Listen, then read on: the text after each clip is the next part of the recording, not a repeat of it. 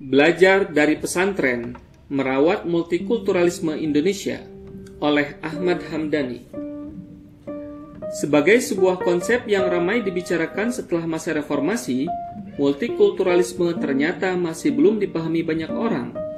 Bahkan, untuk beberapa saat lamanya, multikulturalisme adalah sebuah istilah yang samar, ambivalen atau bertentangan, dan debatable atau masih diperdebatkan.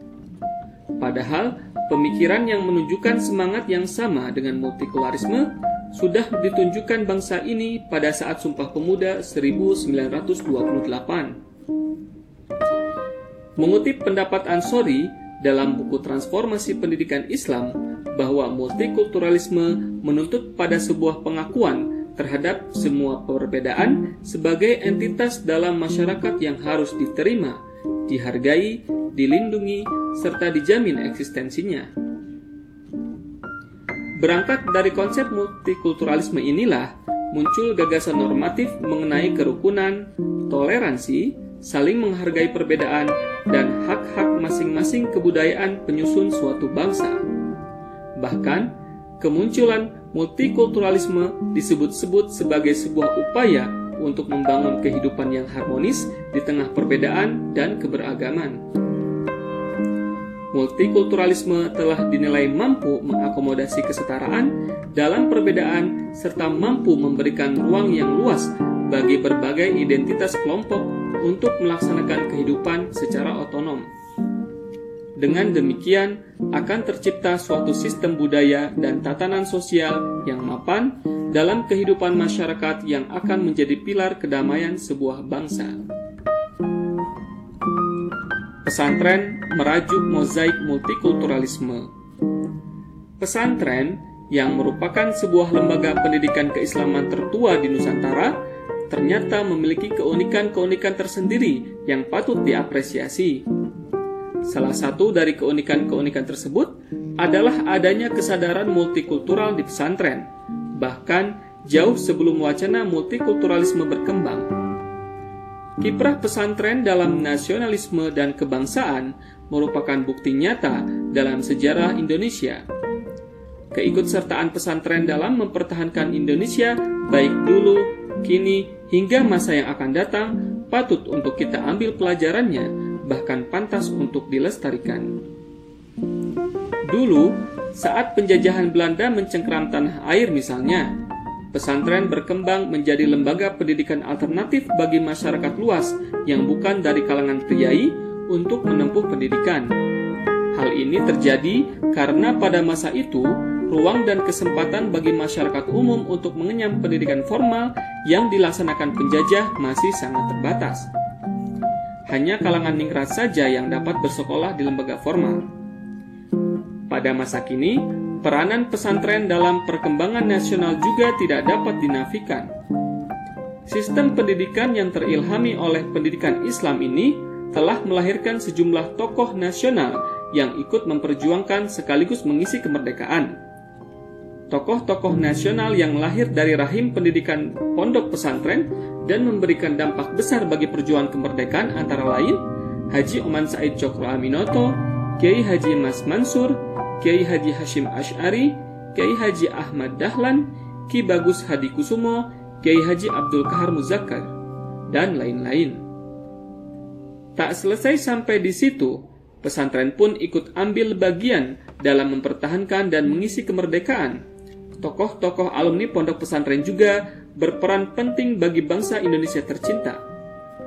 Seperti tercermin dalam diri para tokoh besar seperti Muhammad Rashidi, Muhammad Nafir, Kiai Haji A. Wahid Hashim, Kiai Haji Muslih Purwokerto, Kiai Haji Imam Zarkashi, Kiai Haji Idham Khalid, dan lain-lain.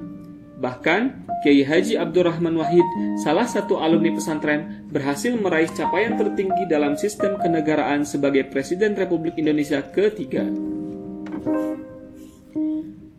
Di masa mendatang, kiprah pesantren sebagai salah satu lembaga pendidikan khas Indonesia masih sangat diharapkan sumbangsihnya bagi kekokohan negara kesatuan Republik Indonesia, terutama dalam merajut mozaik multikulturalisme dalam bingkai persatuan keindonesiaan. Hal ini karena keistimewaan pesantren terletak pada penanaman aspek moral yang menjadi salah satu penekanan kualitas lulusan yang ingin dicapainya.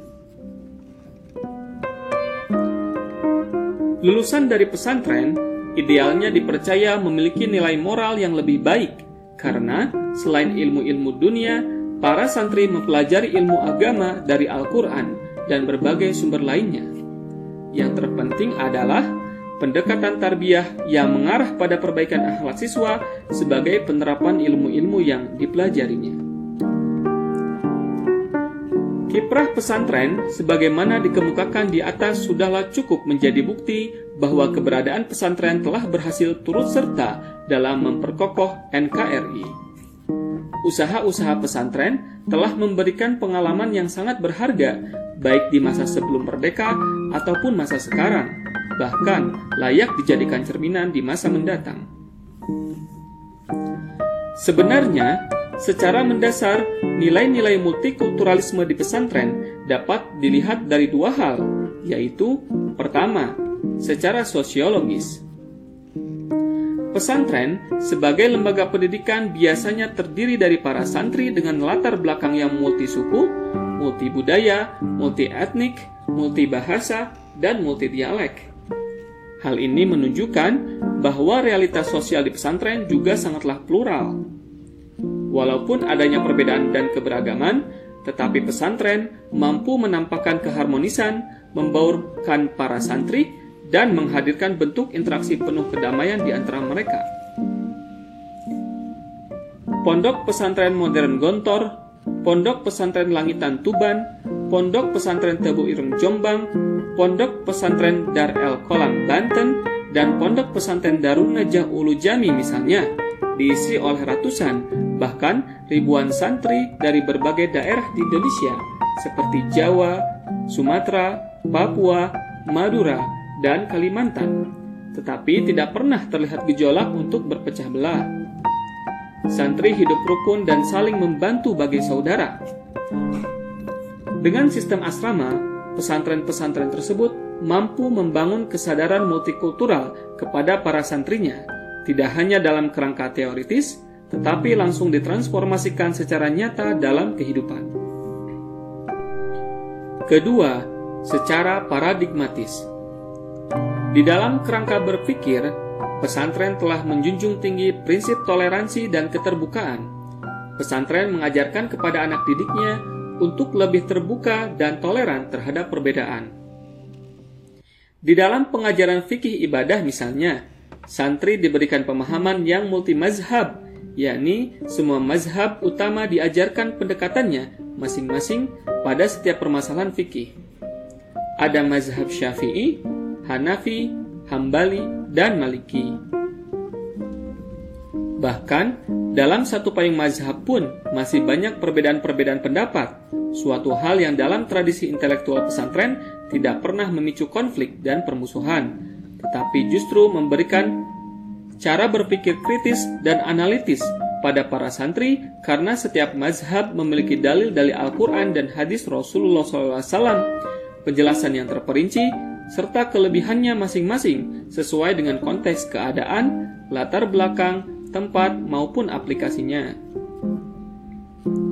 Al-ilmu bila amalin kasyajarin bila thamarin. Pengetahuan tanpa pengamalan seperti pohon tanpa buah adalah sebuah prinsip yang dipegang teguh oleh berbagai pesantren yang menjadikan multikulturalisme tidak hanya sebatas wacana mati, tetapi harus dipraktikkan dalam bentuk nyata agar lebih berarti. Di beberapa pesantren misalnya, santri diharuskan mengamalkan ilmunya dengan cara mengabdi menjadi guru di pesantrennya atau ditugas, ditugaskan ke tempat lain untuk mengabdikan diri dan mengamalkan ilmunya. Tak jarang santri yang ditugaskan mengabdi keluar desa, kota, atau pulau seberang. Dengannya, nilai-nilai multikulturalisme benar-benar dibumikan secara masif sehingga mengakar menjadi sebuah prinsip hidup. Hal ini menjadikan pesantren memiliki daya tawar dan fungsi yang sangat tinggi dalam rangka menjaga multikulturalnya Indonesia. Pesantren telah berhasil merawat kemajemukan dalam persatuan keindonesiaan. Keberadaannya telah memberikan dampak yang sangat luas dalam memperkokoh NKRI, tidak hanya berkaca pada masa lalu, tetapi juga pada masa kini dan masa mendatang. Melalui pesantren, nilai-nilai multikulturalisme telah dibumikan secara masif. Artinya, Indonesia telah mempersiapkan insan-insan berkualitas yang kelak akan menjadi pionir-pionir pemersatu bangsa.